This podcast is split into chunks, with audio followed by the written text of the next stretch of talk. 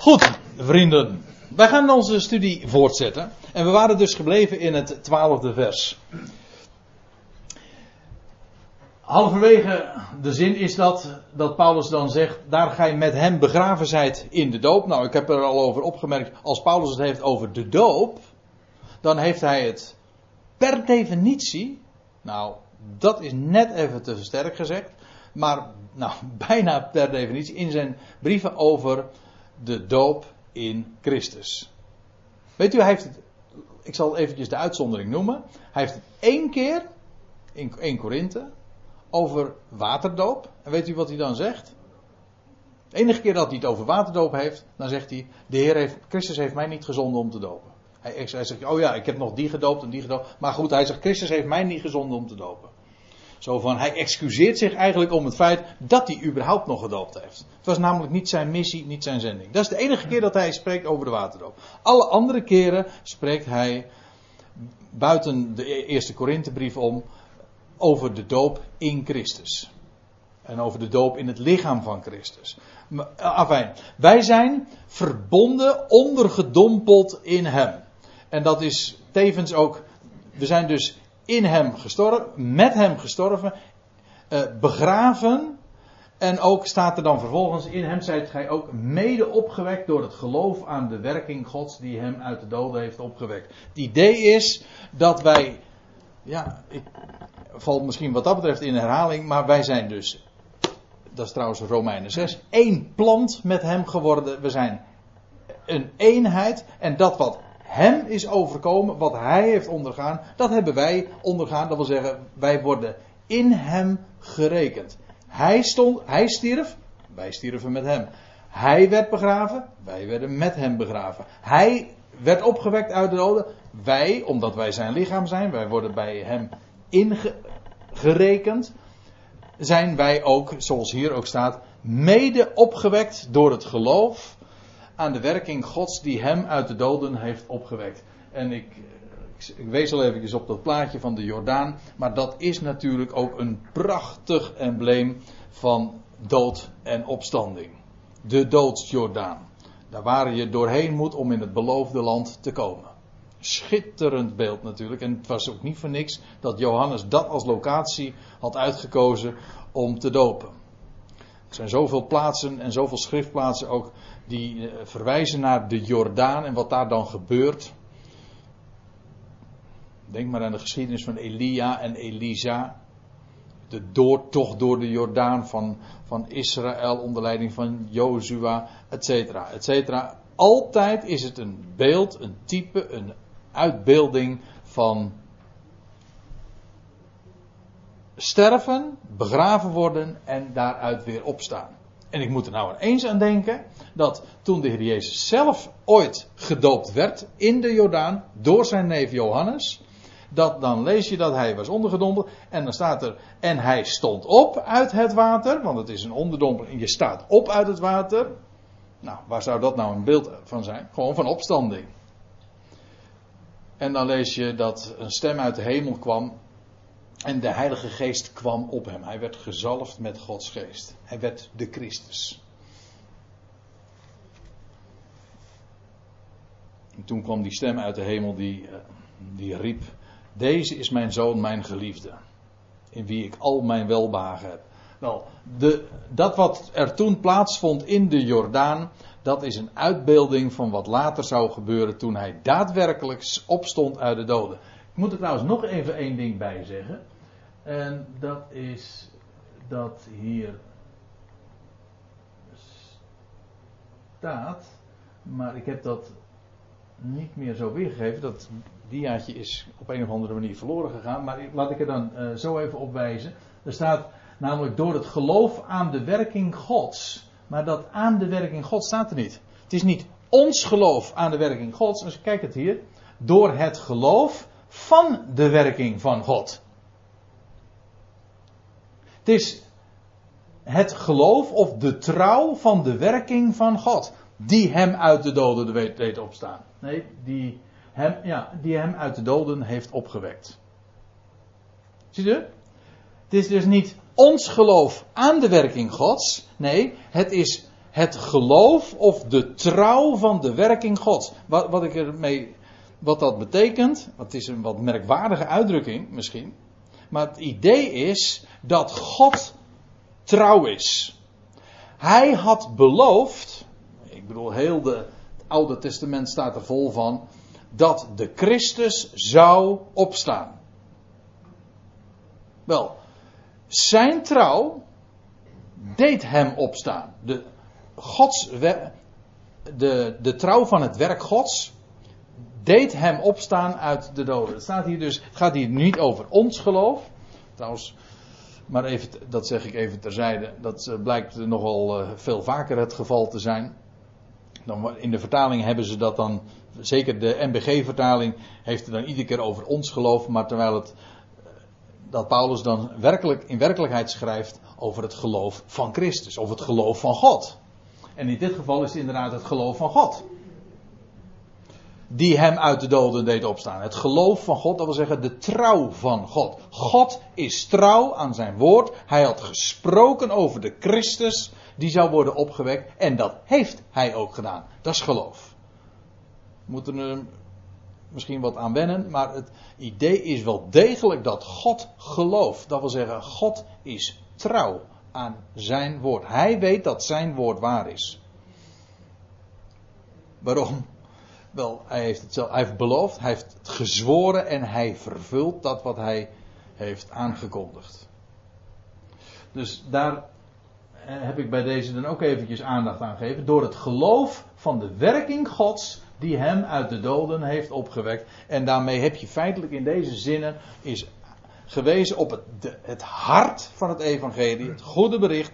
Christus stierf, hij werd begraven en op ten derde dagen werd hij opgewekt uit de doden. Zie daar, dat is in essentie, in de kiem, het goede bericht. En alles wat daaruit voortvloeit. Want het feit dat hij opgestaan is uit de doden, ja, dat is de garantie dat eens de dood volkomen te niet gedaan wordt. Nou, alles wat daaruit voortvloeit, vindt zijn oorsprong, zijn, zijn fundament of zijn oorsprong in, in, in deze verheilsfeiten. Goed, we gaan verder.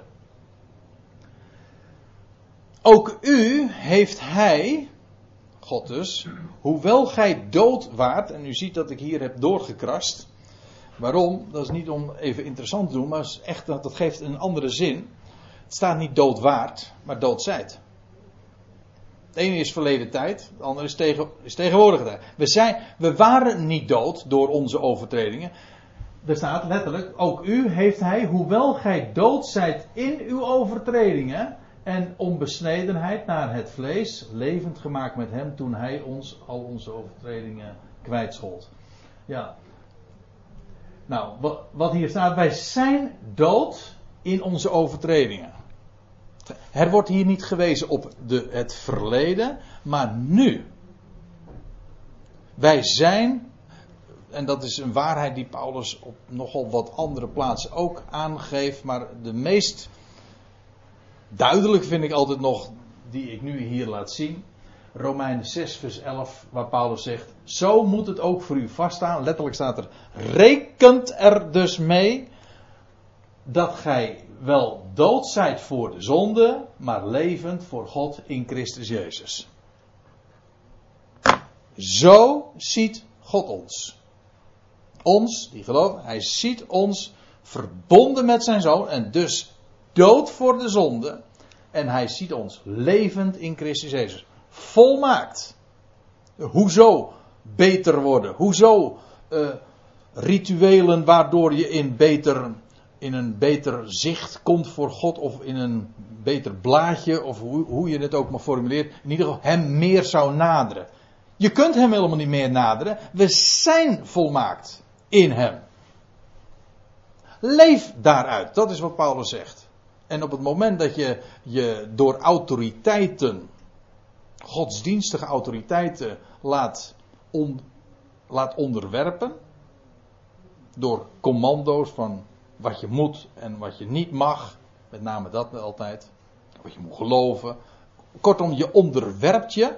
Dan is in wezen het prijsgeven van de vrijheid, maar ook de volmaaktheid die wij in Hem hebben. We zijn, we zijn compleet in Hem. En we zijn dood voor de zonde. We zijn dood voor de zonde. Zo ziet God ons. Dood waar in uw overtredingen een onbesnedenheid naar het vlees. Kijk, Paulus schrijft hier uiteraard aan kolossers. en heidense mensen. Onbesnedenen. We mogen aannemen dat er ook Joden daar in uh, die kring waren. Dat, er zijn een paar aanwijzingen voor dat er ook Joodse mensen bij waren. Maar hier lees je, uh, ook u, uh, dood, in uw over, dood zijt in uw overtredingen en onbesnedenheid naar het vlees. Dat wil zeggen, jullie zijn naar het vlees, mogen jullie dan onbesnedenen zijn, niet Joden.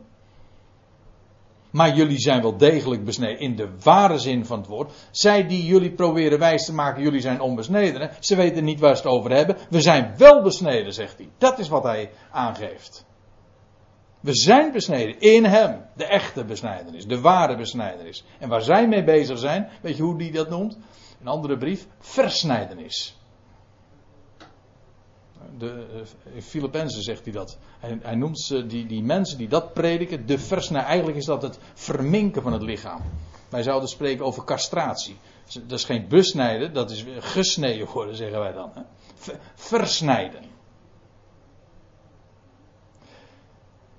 Dat is de echte besnijdenis. En nu staat er, hij zegt, uh, in de overtreding en onbesnijdenheid naar het vlees, uh, levend gemaakt met hem toen hij ons al onze overtredingen kwijtschold. Dat woord kwijtschold, nou kijk, in letterlijk staat er dit.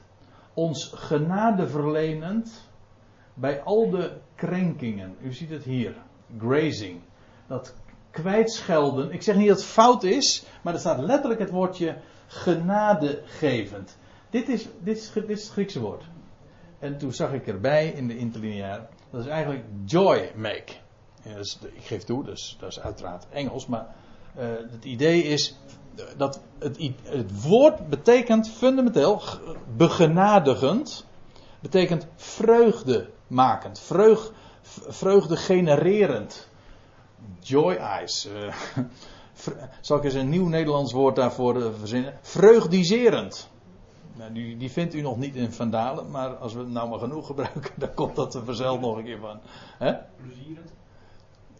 Ja, dat is misschien iets platter, maar. Eh, ja, in ieder geval, het idee is. Daar gaat het even om. Hoe je het ook weergeeft. Het, idee, het fundamentele gedachte, de primaire gedachte van begenadigen is blij maken. Genade is joy, vreugde.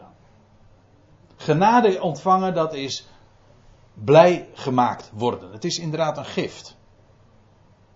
Dat is niet iets wat je verkrijgt, maar dat is iets wat je gegeven wordt en daarom, daarom word je blij. En dat is wat God doet. Hij bewijst genade.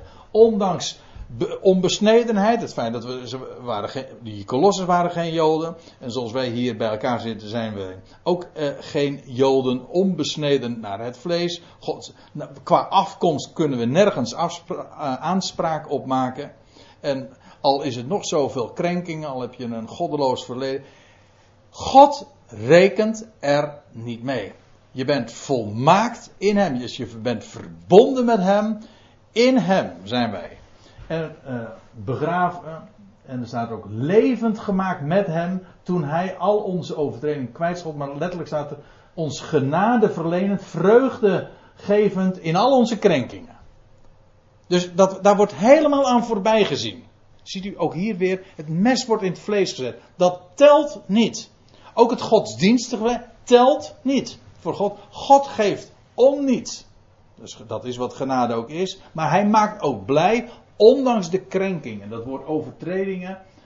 Ik zeg niet dat het fout is, maar eh, de, de gedachte is eigenlijk het krenken. Het hoeft niet dus. Wij denken bij overtredingen vooral aan wet. Maar dat, dat, bij, dat begrip kent het, het Griekse Nieuwe Testament ook. Maar dat is een ander woord. Het overtreden van de wet. Maar dat is niet het woord wat hier gebruikt wordt. De Concordant Version geeft het ook weer met offenses. En dat is inderdaad uh, ja, krenkingen.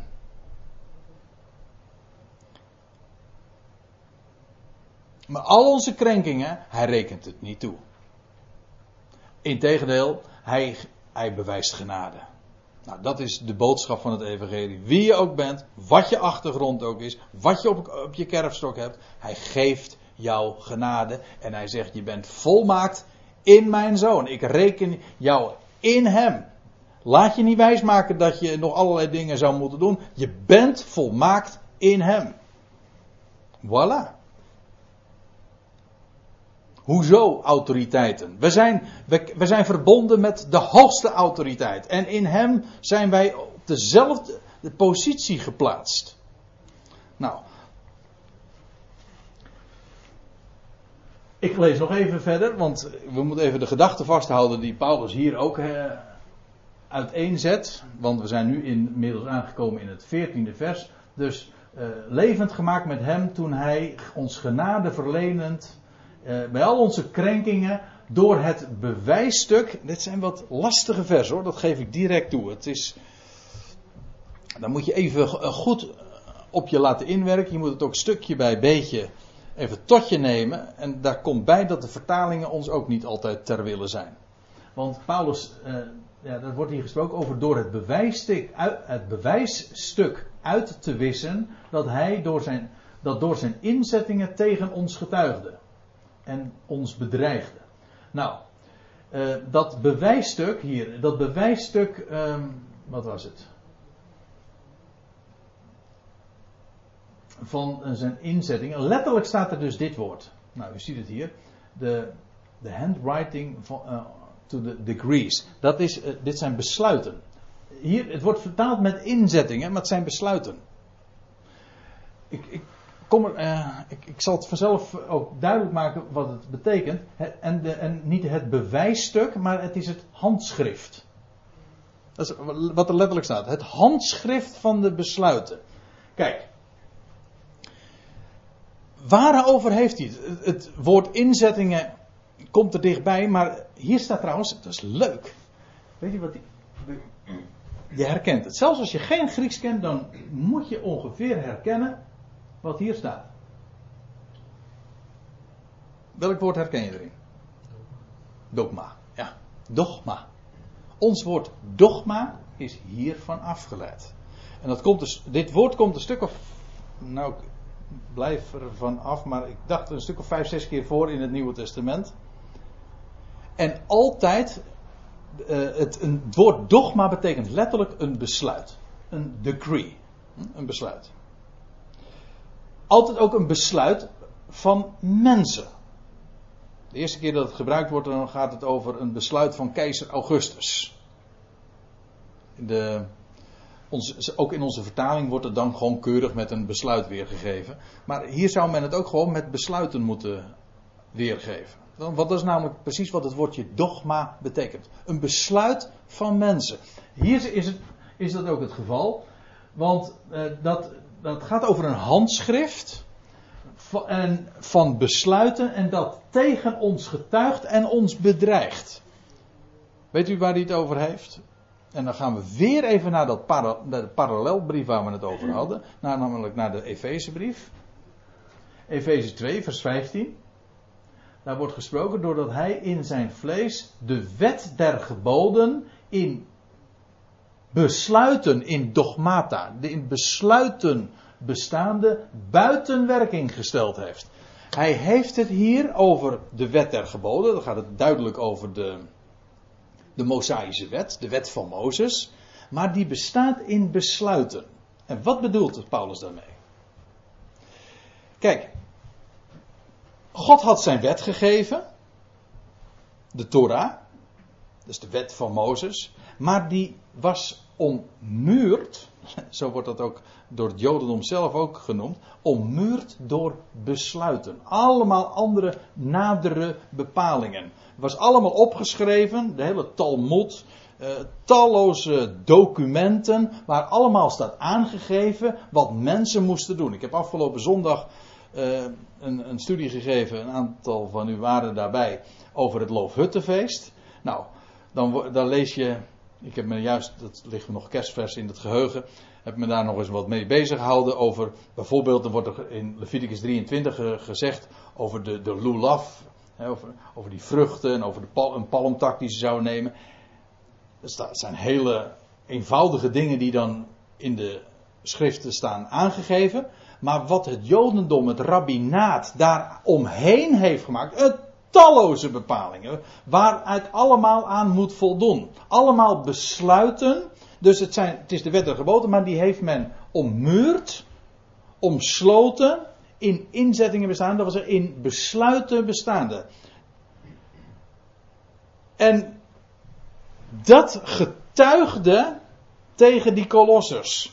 Al die, dus niet alleen de Torah, maar ook dat wat mensen ervan gemaakt hebben in tradities. Van, tradities van mensen. En nou ga ik eventjes gewoon, trek ik de lijn door, want Paulus heeft het hier over de, dat wat uh, hen bedreigde in Colosse. Mensen, judaïsten, die het jodendom probeerden te introduceren daar in Colosse, in die geloofsgemeenschap. Want daar zouden ze beter van worden, of whatever. Maar het is vandaag nog steeds niet anders. Tradities van mensen. En dan brengt men de wet, of een afslap aftreksel daarvan, want meestal is dat zo. Bijvoorbeeld, neem eventjes, en nou wordt het een beetje lastig, want dan moet ik misschien eh, namen gaan noemen of, of richtingen. Maar nou, neem nu eens even de richting die hier in ons land het meeste voet aan de grond heeft gekregen, het Calvinisme. Predik die het wet, de wet, nou, een, in ieder geval een slap aftreksel daarvan. Bijvoorbeeld, men zegt dat we de Sabbat zouden houden. Nou ja, de Sabbat. Uh, daarvan heeft men, die Sabbat heeft men dan gezegd van ja, de, dat wordt dan elke zondag wel voorgelezen. Maar men heeft daar een besluit over genomen.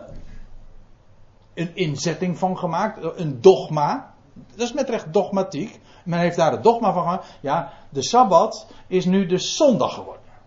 En dus dat de bepalingen die golden voor de Sabbat, de zevende dag, die zijn nu overgeheveld op de zondag. Dus vandaar dat men niet de Sabbat houdt. Ze, ze noemen dat wel zo. De Sabbatdag eren, daar bedoelen ze mee, de zondag eren, maar dat, dat is het niet. Nou, dat zijn dus bepalingen uit de wet, die heeft men door besluiten veranderd of denk ook aan de besnijdenis. De besnijdenis wordt ook nog steeds onderhouden. Ook alleen die is ook gewijzigd.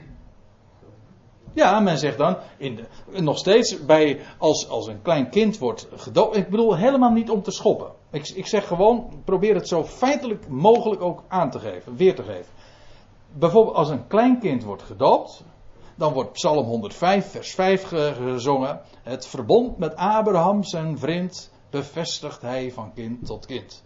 Waarbij de gedachte is, en dat wordt dan in het doopformulier ook zo voorgelezen. En dat is een heel cruciale tekst natuurlijk, een stukje tekst in dat verband. In de plaats van de besnijdenis nu is de doop gekomen. Aha, dus als we ons kind dopen, besnijden we het eigenlijk. Dat is de gedachte. Vandaar ook dat men Psalm 105 zingt. Verbond van Abrahamse vind bevestigt hij van kind tot kind. Het, het teken van het verbond. Dus de besnijdenis is de doop geworden. En dus wordt een aangepaste versie van de wet weer aan het Christ, aan gelovigen, aan christenen, wat trouwens niet hetzelfde is, opgelegd. Geacht, we worden geacht om ons daaraan te houden. De Sabbat of de, je moet gedoopt zijn. En daarmee bedoelt men dan besnijdenis. Maar u, u zegt van ja, maar goed, dat is het Calvinisme. Maar ook het bij, dan zullen we iets misschien dichter bij huis eh, betrekken. Ook het baptisme. Altijd is het weer zo. Er is een ritueel waaraan jij je moet onderwerpen. Wil jij bij ons kunnen horen? Want uh, wij hebben een, een, een, gemeenschap opgericht, een gemeente, zo noemen we dat. En daar kun je lid van worden. Ik denk, er is volgens mij maar één gemeente hoor. Eén ecclesia, één lichaam. En daar word je lid van, niet doordat je ingeschreven staat in een of ander boek van mensen. Nee, daar word ik lid van door geloof. Dan word ik ondergedompeld in hem. En dan ben ik bij hem, dan hoor ik bij hem. Heeft niets te maken met een ritueel. Ook niet met een godsdienstige groep die zo haar eigen wetten en regels opstelt. Van dat moet je doen en dat moet je geloven en dat mag je niet geloven. Dat zijn allemaal dogma's. En ze ja, je moet gedoopt worden. We zijn gedoopt in hem. Laat je, dan laat je je weer op regels van mensen opleggen. Rituelen. Of je, eh, er zijn talloze andere dogma's die je moet onderschrijven, anders hoor je er niet bij. Die zelfs op straffen van de hel je worden voorgehouden. Je hebt daar bijvoorbeeld het grootste dogma is het dogma van de drie-eenheid. Zo heet het ook, hè? het dogma. Nou, dat is met recht een besluit. Dat hebben mensen zo besloten. In de, in de derde, vierde eeuw was daar een concilie. En toen zijn daar hele eerbiedwaardige mensen hebben bij elkaar de kopen bij elkaar gestoken. Nou, hoe dat precies gegaan is, doet nu niet de zaken. Maar men heeft besloten, ja, God is uh, niet één iemand, de Vader. Nee, hij is één wezen, drie personen. Dat zijn allemaal formuleringen die men bedacht heeft. En men heeft besloten dat het zo is. En nu wordt iedereen geacht dat te geloven. En als het niet gelooft, dan staat er ook bij in de, in de geloofsbelijdenis van Athanasius en van Nicea. Dat, dat wie dat is, uh, niet accepteert, wie dat niet aanvaardt, die is uh, verdoemd. Zo staat het. Voor eeuwig verdoemd. Dat zijn dogma's van mensen. Waaraan je moet beantwoorden. En dat getuigt dus tegen je, want op het moment dat je je aan een bepaald, aan, zulke dogma's, want daarover heeft Paulus het hier dus, onderwerpt, ja, dat is een veroordeling namelijk weer van anderen. Het sluit namelijk uit, oké, degene die daaraan beantwoorden, bijvoorbeeld degene die gedoopt zijn of die de, die, uh, de Sabbat vieren, oké, die beantwoorden, maar het is tevens dan weer een veroordeling van degene die dat niet doen. Zie je, het is daarmee een handschrift. Wacht even Het is een handschrift van besluit. Dat wil zeggen, een hele een verzameling van, van uh, besluiten die opgesteven zijn, opgetekend zijn door mensen. Dat zijn onze bepalingen. Dat moet jij geloven. Dat moet jij doen en dat mag jij niet doen. En, anders, en dat getuigt tegen je en dat bedreigt je. Voortdurend. En Paulus zegt, en die is er heel laconiek in, hij zegt, weliswaar waren ze daar in Colosse daar nog voor niet voor gezwicht, maar het dreigde wel. Er waren infiltranten die dat dus daar leerden. En dan zegt hij, al dat soort dogma's, ze, ze zijn, hij, hij heeft ze weggedaan door het aan het kruis te nagelen. Welk dogma er ook is, het telt niet. Het, heeft, legt geen, enkele, ge, geen enkel gewicht in de schaal. Het is, het is namelijk traditie van mensen. We zijn volmaakt in Hem. En laat je niet opleggen van dit zou je nog moeten ondergaan. Of dat mag je niet. Dat zijn namelijk dat zijn dogma's en dat tegen ons getuigt of ons bedreigt. En er staat bij, hij heeft het weggedaan. Hij doet dat weg, gewoon als feit wordt dat gesteld. Ook weer die aoristvorm. Eh, door het aan het kruis te nagelen. Het mes is in het vlees gezet. Ook de, die, al dat soort dogma's. Misschien van eerbiedwaardige en oude tradities. Ze tellen niet. Ze rekenen namelijk niet met het feit, en ze gaan daaraan voorbij, dat wij in Christus compleet zijn. Gij zijt de volheid verkregen in Hem. Zie je dat dat dus ook, als je zo'n brief leest. Oké, je moet er eens eventjes goed doorheen, omdat je misschien niet helemaal de context en de hele samenhang, de achtergrond van Colosse begrijpt, deze brief. Tuurlijk, we leven in een heel andere tijd. Maar in essentie hebben we nog steeds met exact dezelfde fenomenen te maken. Alleen de, de verschijningsvorm is, is misschien wat anders. Maar het is niet moeilijk om meteen dit soort fenomenen te herkennen.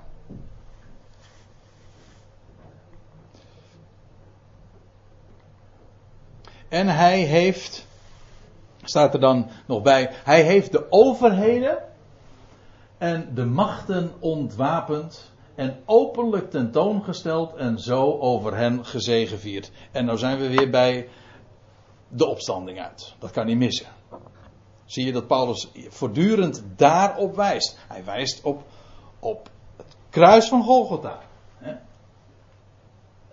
door het aan het kruis te nagelen. Hier wijst hij op wat er op de derde dag plaatsvond. Namelijk toen hij triomfeerde over alle overheden en machten. De overheden en machten, dat is trouwens wel even goed om daarop te wijzen. Dat kan uh, van allerlei vormen, uh, allerlei verschijningsvormen. Overheden en machten, ja, dat zijn. Ik, ik heb er al een paar dingen even over gezegd. Dat kan politiek van aard zijn. Paulus heeft het ook trouwens over, in dezezelfde brief, over overheden en machten uh, in de hemelen. Trouwens, in de Efezebrief zegt hij dat ook. De overheden en machten in de hemelse gewesten. Dus achter de coulissen, dat onttrekt zich aan ons oog, maar daar heb je ook overheden en machten. Zoals je hier op aarde overheden, lagere en hogere overheden hebt. Je hebt ook godsdienstige autoriteiten. Ik denk dat Paulus het met name hier uh, ook op doelt. Maar het maakt niet uit. Hij is namelijk gesteld boven alle overheid en macht. En er staat bij, hij heeft de overheden en machten ontwapend en openlijk tentoongesteld en zo over hen gezegevierd. En dit is wel een heel mooi embleem hoor. Ik zal er even, moet misschien even toelichten. Maar wat gebeurde er toen hij begraven werd? Toen kwamen de Joodse autoriteiten, het Sanhedrin, en die hebben toen bij de Romeinse overheid, of bij de Romeinse volmacht, Pilatus, gevraagd om het graf te verzegelen. Dus een godsdienstige autoriteit, het Sanhedrin, vertegenwoordigers van het Sanhedrin, hebben gevraagd aan de politieke overheden van, van die dagen, Pilatus, om het te verzegelen. En, al, en dat gebeurde ook. En toen is er vervolgens een militaire macht bij gestationeerd, soldaten. Maar met het autorisatie van de hoogste overheid in die dagen, namelijk van de keizer zelf. Want als een, een zegel betekende in die dagen dat het uh, een waarmerk had van de keizer zelf. Het was op straf, het was ook uh, absoluut zo dat uh, op straffen van de dood werd een zegel verbroken. Dat, dat was dus Zo'n zegel was dus eigenlijk een, een embleem van de hoogste autoriteit, van de hoogste macht, de hoogste overheid, moet ik eigenlijk zeggen. Van, in dit geval van de keizer. Dit graf is verzegeld. Er was eerst een zware steen voor gewenteld, vervolgens was het verzegeld.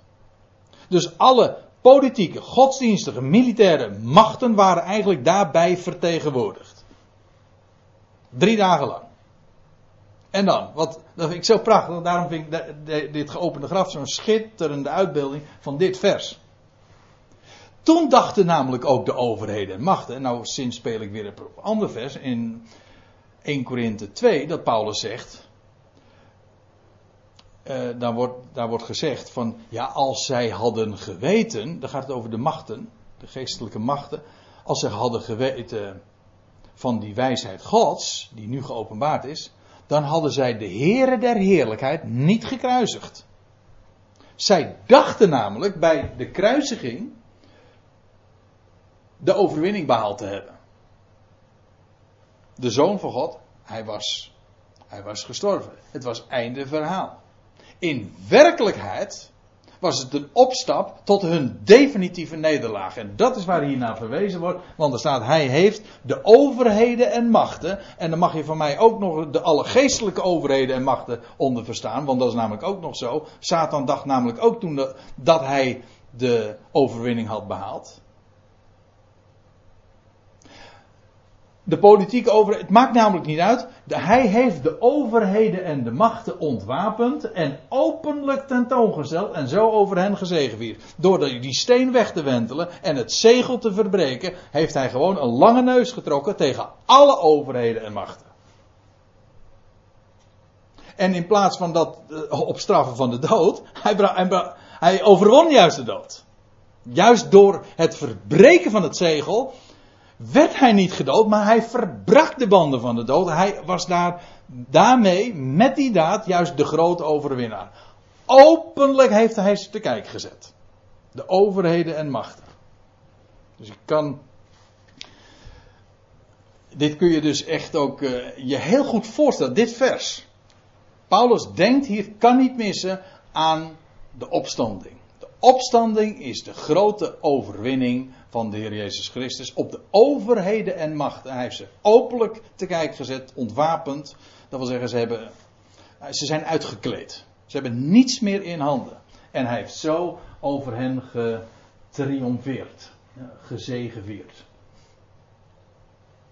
Ja, ik weet niet waarom, of dat in dat zegevieren ook nog het woordje zegen verborgen ligt.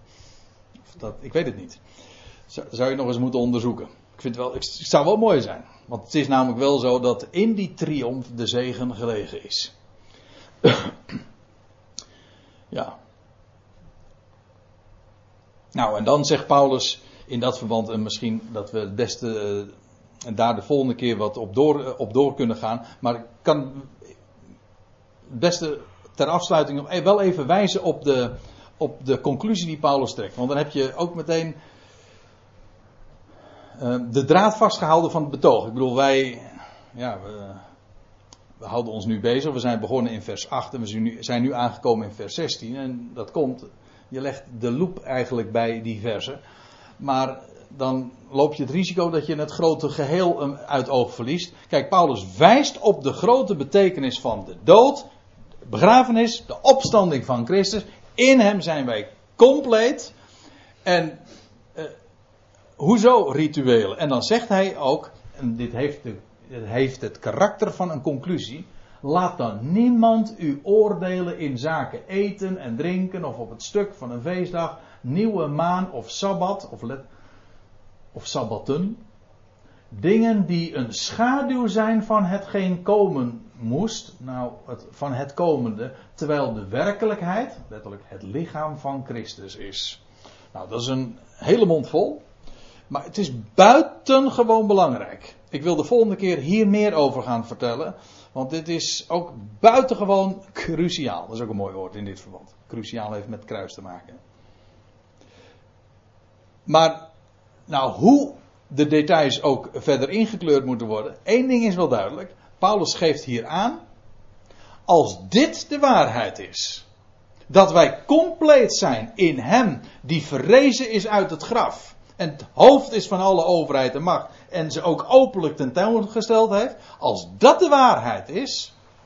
Laat je dan niet oordelen. Of niet alleen maar niet veroordelen. Dat sowieso niet. Maar laat je ook niet eens beoordelen.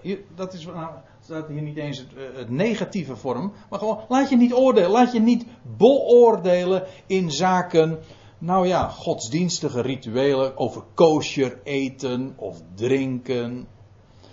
Of op een feestdag, of het onderhouden van dagen. Het is nu momenteel Loofhuttenfeest. Er zijn christenen die zeggen van dat horen christenen ook te vieren. Sukkot, nou ja, uh, dat, zou, dat zou je toch eigenlijk moeten doen. Wil je echt een goed christen zijn? Dat soort verhalen, altijd komen ze weer, uh, weer via welke route dan ook en in welke vorm. Of, ze nou, of dat nou baptistisch of calvinistisch is of messia, joods messia. Altijd weer proberen ze je onder een juk te leggen, te brengen. En Terwijl het alles slechts met recht een schaduw is. Het lichaam is van Christus. Deze dingen zijn van nul en geen betekenis. Nou, ik denk dat we het daar eventjes voor uh, vanavond bij moeten laten. Ik wil dat volgende keer graag nog even wat, wat dieper op ingaan. Eén ding is duidelijk, we zijn compleet in hem. Ik hoop dat die boodschap vanavond in elk geval is overgekomen.